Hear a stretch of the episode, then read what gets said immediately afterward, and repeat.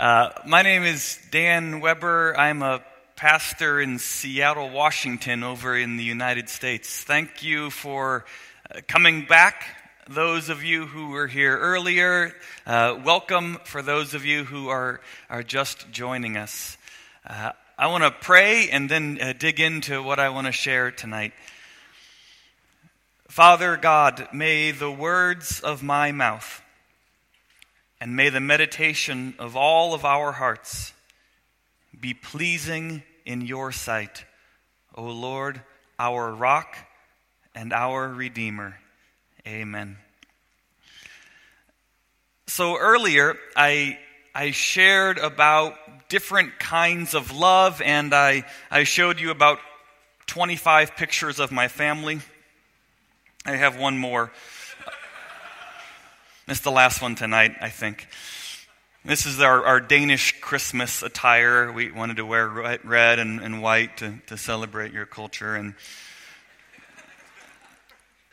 in addition, just to me loving my family and, and wanting to show them off, I actually brought all of these pictures on purpose.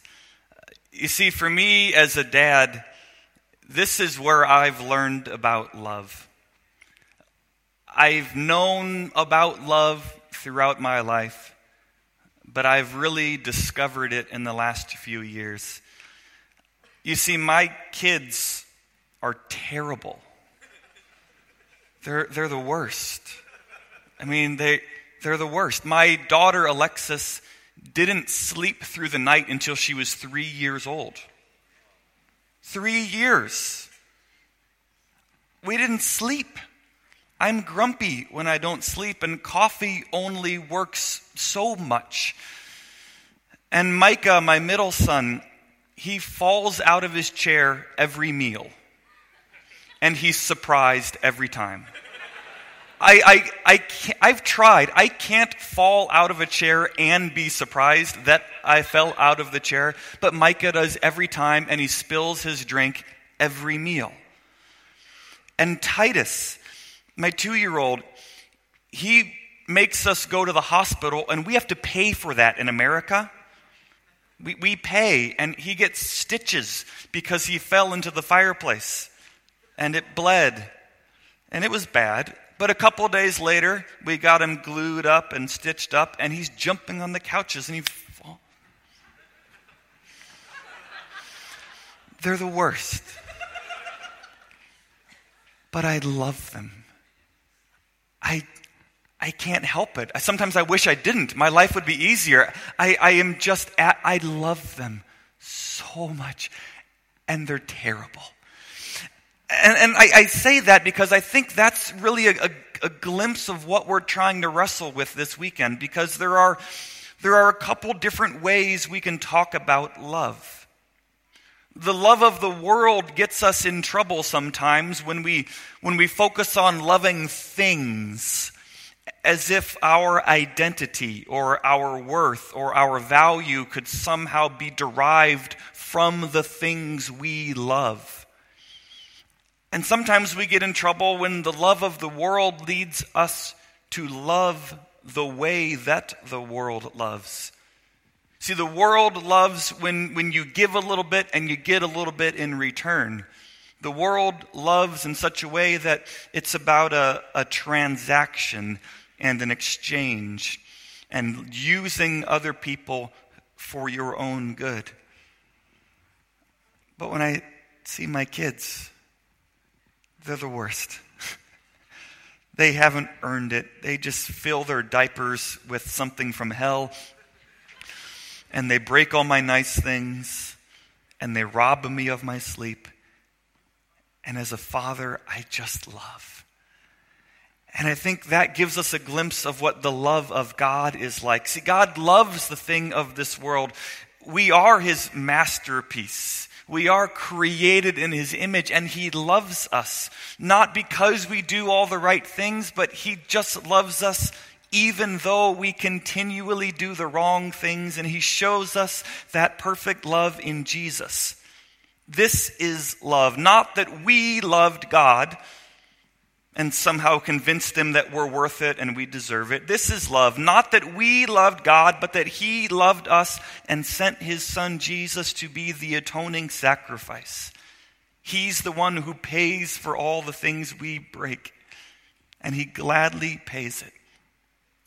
And so this morning or this afternoon, we, we focused on seeing God's love. And it, it would be easy for me as a preacher to then spend the rest of tonight and the rest of tomorrow telling you how to love. A lot of preachers would do that. They would say, Look how God loves, so you should go and love the same.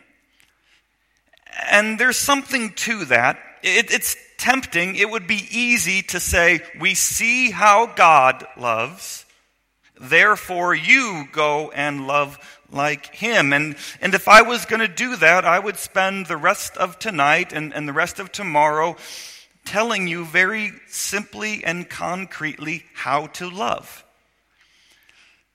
And maybe you want me to. And I hope that what I share will be concrete and practical. But it's not that hard. If all my job was is to tell you what to do to be loving, you already know the answer. If, if you want to know how to, to love, honor your father and your mother. What does this mean? We should fear and love God so that we do not despise or anger our parents and other authorities, but serve and obey and, and honor and love and cherish. Do you guys memorize the catechism here in Denmark? Does that sound familiar? Just do that. That's, that's how you love. You want to love your parents, obey them, honor them, don't despise them, don't anger them. Just do that. If you want to love the people around you, the, the, the, the, the best way to love them is don't murder them. Just don't murder. What does this mean? We should fear and love God so that we do not hurt or harm our neighbor in his body, but, but protect and provide for their physical needs. So if you want to learn how to just love your neighbor, honor your parents. Don't hurt your neighbor. Actually help them if they have a physical need. A, a great way to, to love people around you is, is, is don't commit adultery. Don't sleep with people who aren't your spouse. It's pretty straightforward. Uh, what does this mean? We should live a sexually pure and decent life in, in, in what we say and, and, do, and husbands and wives should honor each other. You, you probably already knew that. If you want to love people around you, don't steal their stuff. It, it's, it's not that hard. Just, just don't take what doesn't belong to you. And as a matter of fact, if, if, if someone has something, you can help them protect it. You can keep an eye on their stuff while they're not around. If you see someone stealing one of the four million bicycles I saw today, you, you could step in and say, Hey, is that yours? I think we know how to love. If you want to love your neighbor, don't lie to them. Don't lie about them. Instead, we should fear and love God so that we do not tell lies about our neighbor, betray him, or, or slander him, but but speak well of him, defend him, explain everything in the kindest way. But I think you probably already knew that. If you want to love people, don't be greedy for their stuff. Don't spend all day on, on Facebook looking at someone else's vacation, wishing that was yours. Don't spend all day scrolling through pictures of everyone's perfect life and dream about having that life for yourself. You'll be a better friend if you are content with your life instead of trying to long after and desire their things. but I think you probably already knew that. And if keeping track of those seven plus the first three about having no other gods and, and not misusing God's name and remembering the Sabbath, if, if a list of ten is, is too much to keep track of, Jesus boils it down to two. Teacher, what is the great commandment? You shall love the Lord your God with all your heart, with all your soul, with all your mind, and with all your strength and love your neighbor as yourself. If you want to know how to love, just do that. Uh, Jesus himself sort of simplifies the Christian life down to love, and he, he, he says uh, in, in the Gospel of John, this is my picture of Moses, by the way. Oh, I don't have it up there. Can we get Moses? No. All right. That's a shadow of somebody doing this. I had, I had this nice, mean picture of Moses who was judging you and scolding you and trying to make you feel bad. Yeah. If, if you want to know how to love, just do what, what it said back in Exodus 20. It's just two commandments love God, love your neighbor. And, and, and, Jesus puts it this way in the Gospel of John. He, he says that love is what is supposed to define us. He says, By this, all people will know that you are my disciples if you have love for one another. But I think you probably already knew that. I think there is a big gap. There, there, there's something we have to do in between seeing God's love and then loving others well. Knowing God's love is different from the world's love, and knowing how God loves, and then loving other people, there, there's something in between. And that's what I want to spend most of my time with this evening. And I've, I've got it in a, a simple phrase here. You can't give away what you don't have. You can't give away what you don't have. If you don't have something, you can't give it away. I, I don't want to sound too fancy. I went to eight years of college for this, by the way. You can't give away what I'm still paying debt. You guys get it free. We pay for years and years and years in the States. And what I've, what I've distilled it down to for you is you can't give away what you don't have. And here's a picture if that helps. Isn't it cute? These two little hearts. And just like it rained here for the past few weeks, it rains every day where I live. And the one heart is sharing an umbrella with the other heart. And that's a nice way of showing love. But guess what? If the heart doesn't have the umbrella, they can't share the umbrella. You can't share, you can't give away, you can't offer something that you don't have. Knowing about God's love does not enable you to give it away. We need to have God's love. Another way of saying it is, is like this I think our guilt drives our judgment. In other words, I have a hard time loving people when I don't know that I'm loved by God. Because when I feel guilty towards God and I don't know about His love, or I don't feel His love, when I feel guilty towards God for my wrongdoing, then I try to convince God that I'm good enough, and I try to do enough good things to make God like me.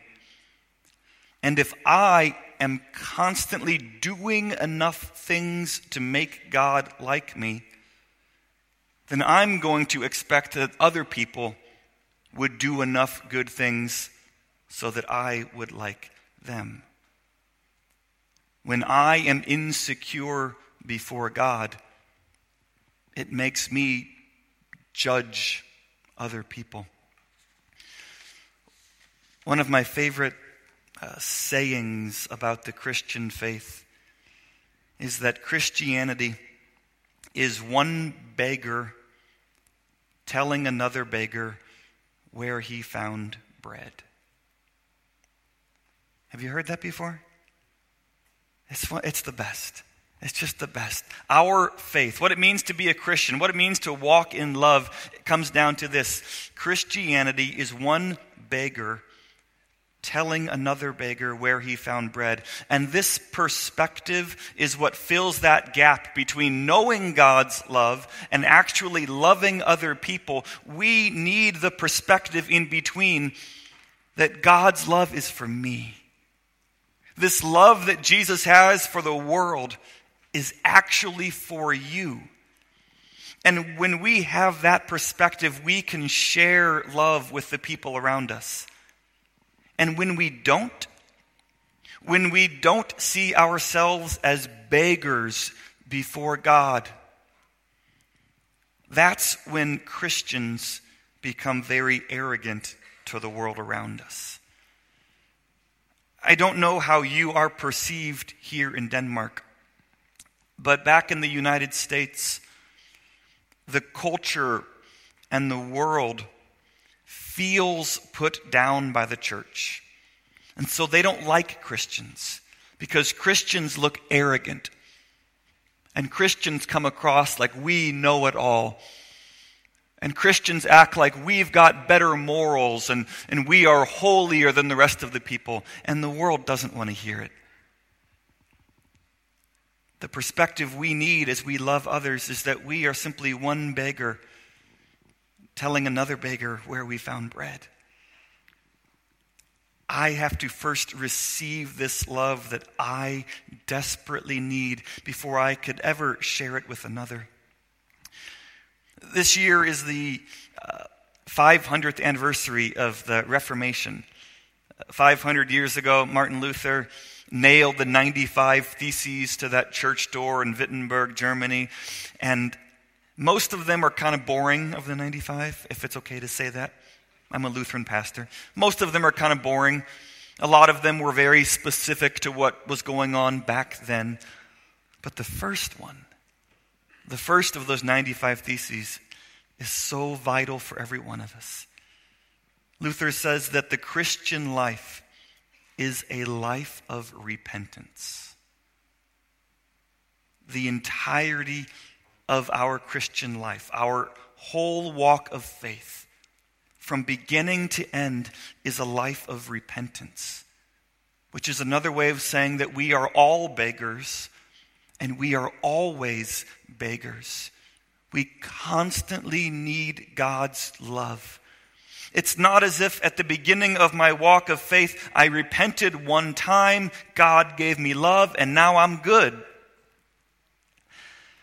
No, until the day I die, I am completely dependent on God giving me his undeserved love. It's not as if his love gets things started and eventually you deserve it. Eventually you're good enough that it's just yours. I never deserve it. And yet he gives it. If you have a Bible, uh, open up to Matthew 18. Maybe we turn the lights on a little bit, or you can just have your phone out, however you want to get it. Matthew chapter 18. To me, this is one of the, the clearest places in Scripture where God describes this perspective that we are to have. Matthew 18, starting in verse 23. This is Scripture teaching us that in order to love others well, we need the perspective that we are continually and constantly recipients of undeserved grace, no different than the people that God calls us to love.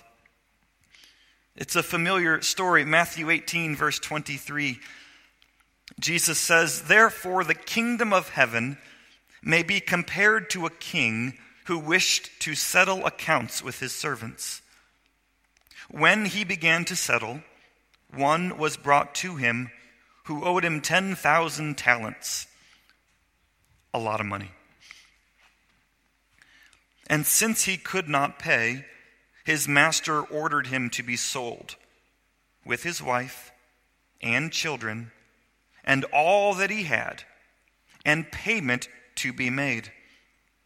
So the servant fell on his knees, imploring him, Have patience with me, and I will pay you everything. And out of pity for him, the master of that servant released him and forgave him the debt. But when that same servant went out, he found one of his fellow servants who owed him a hundred denarii, just a little bit. And seizing him, he began to choke him, saying, Pay what you owe. So his fellow servant fell down and pleaded with him, Have patience with me, and I will pay you. He asked the very same thing that the first servant had asked. Verse 30 But he refused and went and put him in prison until he should pay the debt. When his fellow servants saw what had taken place, they were greatly distressed, and they went and reported to their master all that had taken place. Then his master summoned him and said to him, You wicked servant, I forgave you I forgave you all that debt because you pleaded with me. And should not you have had mercy on your fellow servant as I had mercy on you? The first servant owed an outrageous amount of money, the equivalent today of, of, of millions of dollars. And, and he said, Give me a little more time and I'll repay you. and the master said, You know what? Forget it. And then that guy, who just got given basically millions of dollars, went and found his buddy who owed him 50 bucks and wanted to choke him and throw him in jail. And Jesus is saying, We have been forgiven much. And so God sends us to forgive. And we need that perspective that we are recipients of this undeserved love of Christ. So the, the first thing we need is, is a perspective that not just God has love, but God has love for you. And the second thing we need is a power that we don't have. it's not enough to see that God loves and it's not enough to see that he even loves people like me. In order for us to actually love people, we need the very power of God. Because only God can love people the way we deserve to be loved. And we, in and of ourselves, do not have that capacity. And there is a power that Scripture promises. Second Timothy says it like this For God gave us a spirit not of fear, but of power and love and self control. The power that we need to go out and love others is a power that God gives you by His Spirit. The Spirit of God is in you, and it is a powerful Spirit, able to do what you and I never could do. It's a spirit that gives us that self control to keep our sinful desires in check. And it empowers us to go and love. John says it like this in 1 John 4 Beloved, if God so loved us, we also ought to love one another. This we know that we abide in him and he in us because he has given us of his spirit. Notice the, the, the, flow here. God first loves us. Not just we know how God loves, not just we have an understanding of what God's love is like, God actually loves you. And he gives you the Spirit of the living God. The Spirit of Jesus is yours so that we can abide in him. I don't know if abide is a, a familiar word to you. It, abide is, is to remain, to stay. Abide is the word that Jesus uses in the Gospel of John when he talks about a vine and the branches. Are, are those familiar words? When, when, the, the, vine and the branches are connected, when, when you have a plant, the, the root system, the, the nutrients and the water comes up and it flows through and it's able to produce fruit. And the fruit of the Spirit is love. Now, the branch doesn't try really hard to make the fruit, the fruit simply grows because it's connected, it abides, it remains, and it stays. And that Spirit of God is yours. We, we've got an altar up here for the Lord's Supper. And I'm so eager to get to celebrate that with you. We, we don't have a, a, a fountain up here. I guess I could splash my water in the name of the Father, and the Son, of the Holy Spirit. My little kids like to do that. I told you that. They splash. In those holy waters, God does something incredible. I saw a, a confirmation service earlier this afternoon. People dressed up. I saw signs around town for confirmation dresses. And that's a beautiful thing. Because in that confirmation, those young people are standing up to confirm the faith that was given to them in their baptism. I was baptized when I was just a poopy little baby in a diaper. Maybe some of you were too. I had this, this long white shirt on. It looked like a dress. I always joke that these are from back when babies were a meter long. I was in this, this gown, this white dress that my father wore when he was baptized, and his father before him wore when he was baptized. In that water of baptism, God actually does something. I, I, love how, how Titus describes it. I named my son after this book of the Bible.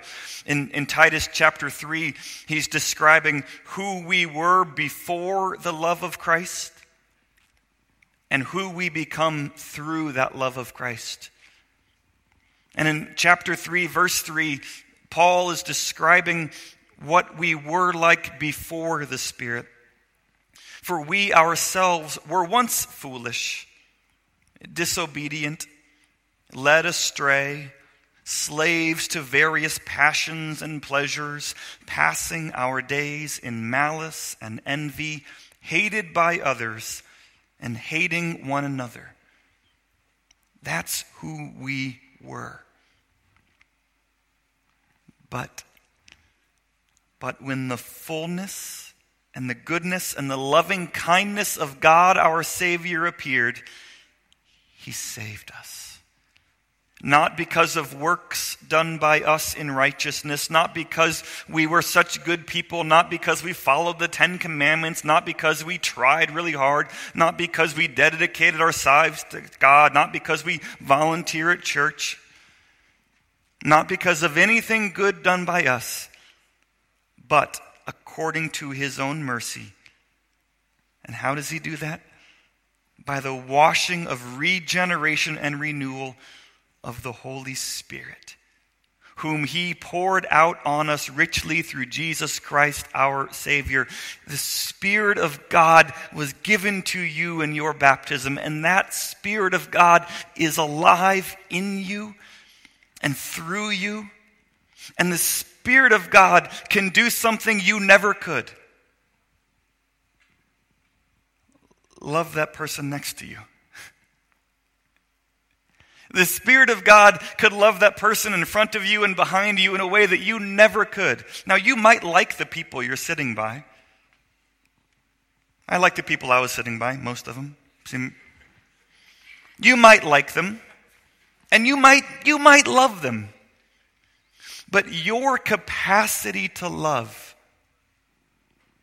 and my capacity to love, my ability to love my friends, even my family, is so small. Because when my kids do the stupid stuff they do every day, when, when Micah falls out of his chair and takes his milk with him, when, when that milk spills into my lap after I just got dressed for work, my first thought is not, oh, buddy, I love you this much.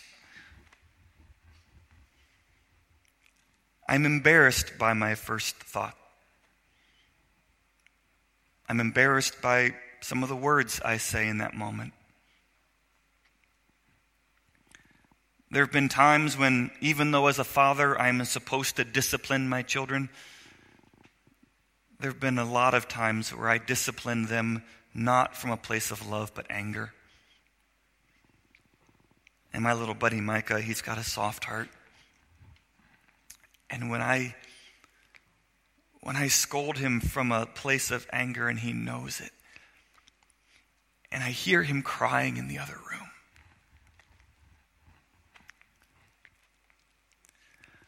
I'm reminded at how bad I am at loving. Even the people dearest to me, I'm not very good at loving them. And the people I don't like, I hardly even try to love. But the Spirit of God given to you and to me in our baptisms is actually able to love them despite the spilled milk, despite the, the text message they shouldn't have sent, despite all the bad things. The Spirit of God is at work in you. So that Paul can say in, in Galatians 2:20, it is no longer I who live but Christ who lives in me. And the life I now live, I, I, live by faith in the Son of God.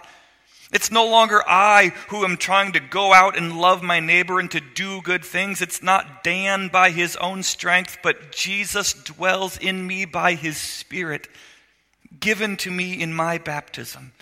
The same Spirit given to you in your baptism. In those holy waters, we are, we are joined to Christ and filled with Him. Jesus loves perfectly.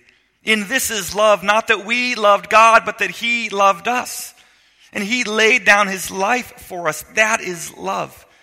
And that same Jesus is actually alive in you.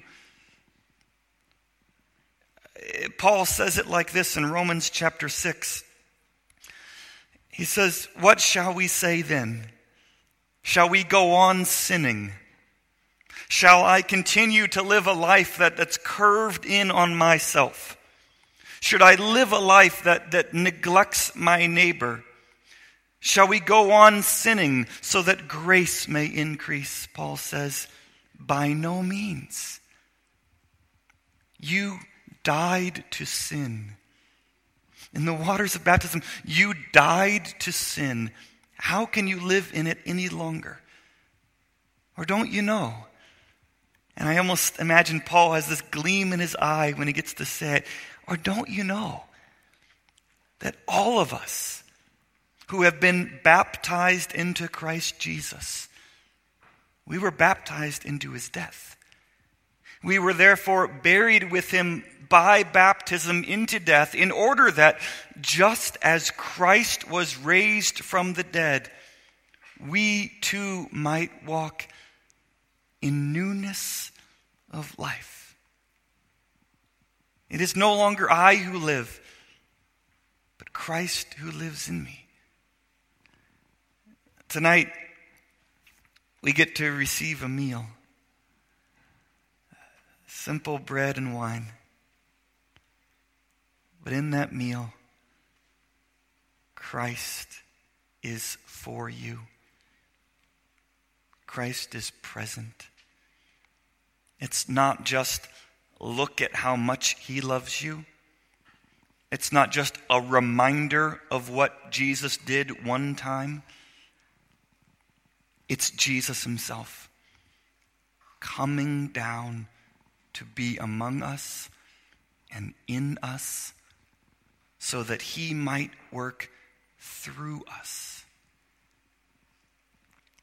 In our worship services, our liturgy in the U.S., after we have communion, we, we say a prayer. And it's the same prayer that gets repeated week after week after week. It's the same prayer that is spoken in, in church after church after church all, all, across America. After we have received the Lord's Supper, the Holy Communion, we, we say, Thank you, our Heavenly Father, that you have refreshed us through this salutary gift, and we implore you that you would strengthen us in faith toward you and in fervent love toward one another. Some fancy words in there. Most Americans don't know what half of them mean. That's okay.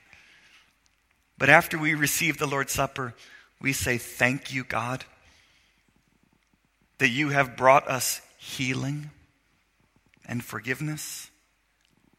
And we pray that through this meal, you would help us trust you more, strengthen our faith, help us to trust you, and help us to love one another. As we receive Jesus in this meal, we not only remember his love, we receive it. You receive Christ forgiving you today.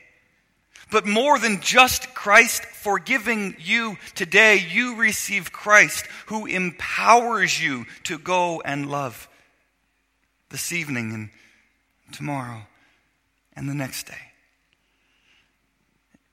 We can talk about different kinds of love, the love that God has versus the love of the world.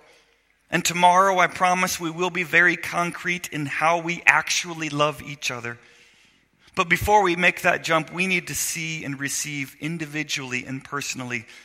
We are the same broken people that we want to love. And as we have received love, we give away and we share what God first and continually gives you. Let's pray. Lord Jesus, we thank you for forgiving us. We thank you for your cross, where you died for my sin, where you poured out your perfect love. And God, we are eager to bring forth the fruits of the Spirit. God, we are excited to, to love our neighbor we are excited and we want to know and discover how to do that better. But I thank you, Lord, that tonight we had a moment to pause and experience once again the life giving gospel. God, as we want to love others, that love will not happen by our efforts. We need you. We need you to love us, and we need you to love through us. So receive our prayer, receive our praise, and fill us once again tonight with your life giving spirit. In Jesus' name we pray. Amen.